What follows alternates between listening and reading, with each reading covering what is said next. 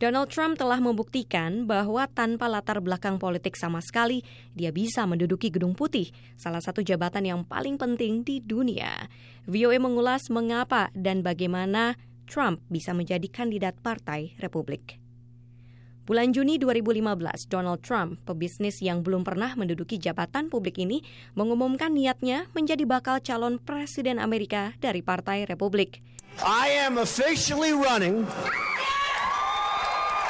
for President of the United States, and we are going to make our country great again. Saya resmi mencalonkan diri sebagai Presiden Amerika dan kita akan membuat negara kita lebih hebat lagi. Lahir di Queens, New York, Trump dibesarkan dalam keluarga yang kaya raya.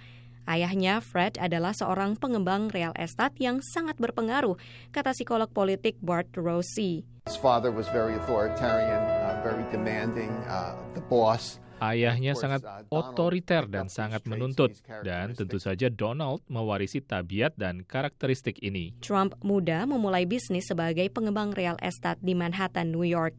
Awal karirnya cukup cemerlang. Dia mendirikan menara Trump yang ikonik, membangun citra diri, dan merangkul media, faktor-faktor yang kemudian ikut mendongkrak kampanyenya. Pengacara Edward Mermelstein mengatakan, Doing business in New York uh, requires a very strong uh, person. Untuk berbisnis di New York, perlu orang yang kuat, sangat termotivasi dan dia memenuhi karakter itu. Tapi dia juga sempat menemui kegagalan.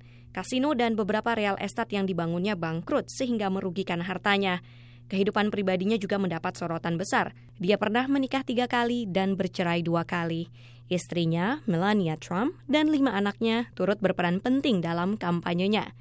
Tahun 2000-an, The Donald hadir dengan TV show populer The Apprentice. Suaranya di panggung politik nasional mulai bergaung ketika menuduh Presiden Barack Obama tidak lahir di Amerika Serikat.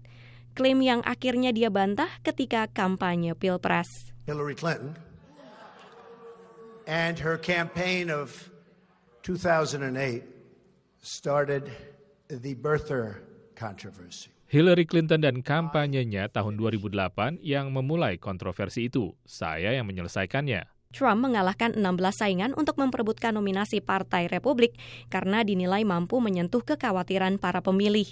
Seperti yang dikatakan Michael Kranish, salah seorang penulis buku Trump Revealed.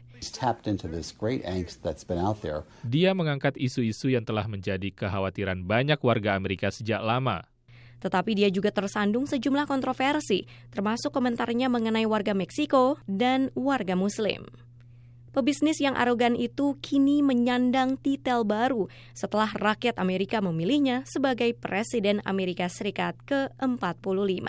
I am with you. I will fight for you.